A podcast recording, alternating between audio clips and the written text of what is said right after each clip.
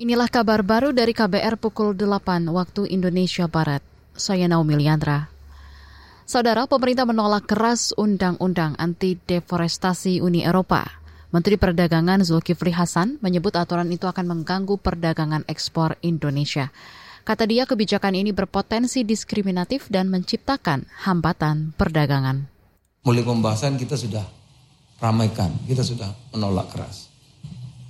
Saudara-saudara yang saya hormati, kebijakan anti deforestasi Uni Eropa berpotensi menghambat perdagangan, merugikan petani-petani kita.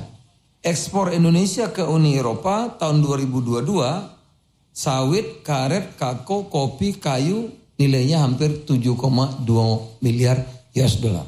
Meliputi hampir 8 juta petani kecil. Ya, kopi, kakao, dan sawit dan lain-lain. Menteri Perdagangan Zulkifli Hasan mengatakan pemerintah Indonesia juga terus menyampaikan keberatan akan kebijakan anti deforestasi tersebut.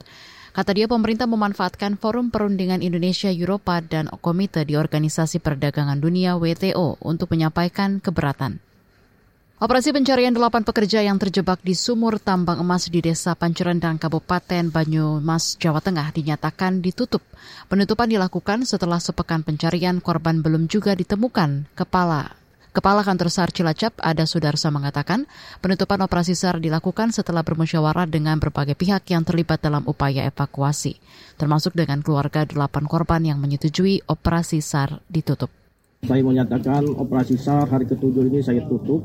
Hal tersebut bukan berdasarkan pertimbangan saya sendiri, namun sudah dikoordinasikan dengan semua potensi SAR ataupun stakeholder yang ada di Kabupaten Banyumas ini.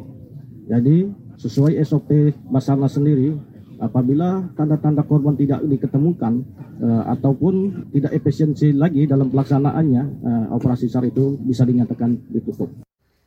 Itu tadi Kepala Kantor SAR Cilacap Jateng, Ada Sudarsa. Usai penutupan operasi pencarian, keluarga dan personel SAR melakukan tabur bunga, doa bersama dan sholat gaib untuk delapan korban yang terjebak di lokasi sumur tambang di Banyumas, Jawa Tengah. Saudara sebanyak tiga bekas pegawai Bank Papua jadi tersangka kredit fiktif yang merugikan negara 120 miliar rupiah.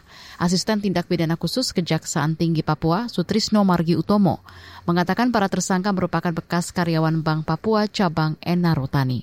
Kita tetapkan ketiganya selaku tersangka dan kita lakukan malam ini lakukan penahanan 20 hari ke depan ya.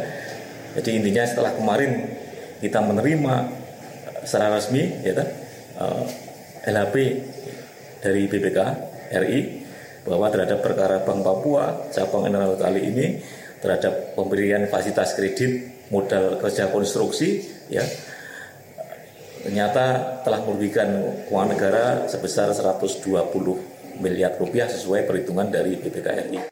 Asisten Tindak Pidana Khusus Kejaksaan Tinggi Papua, Sutrisno Margi Utomo, menyebutkan ketiga tersangka merupakan bekas karyawan Bank Papua cabang Enarotani pada 2016 hingga 2017.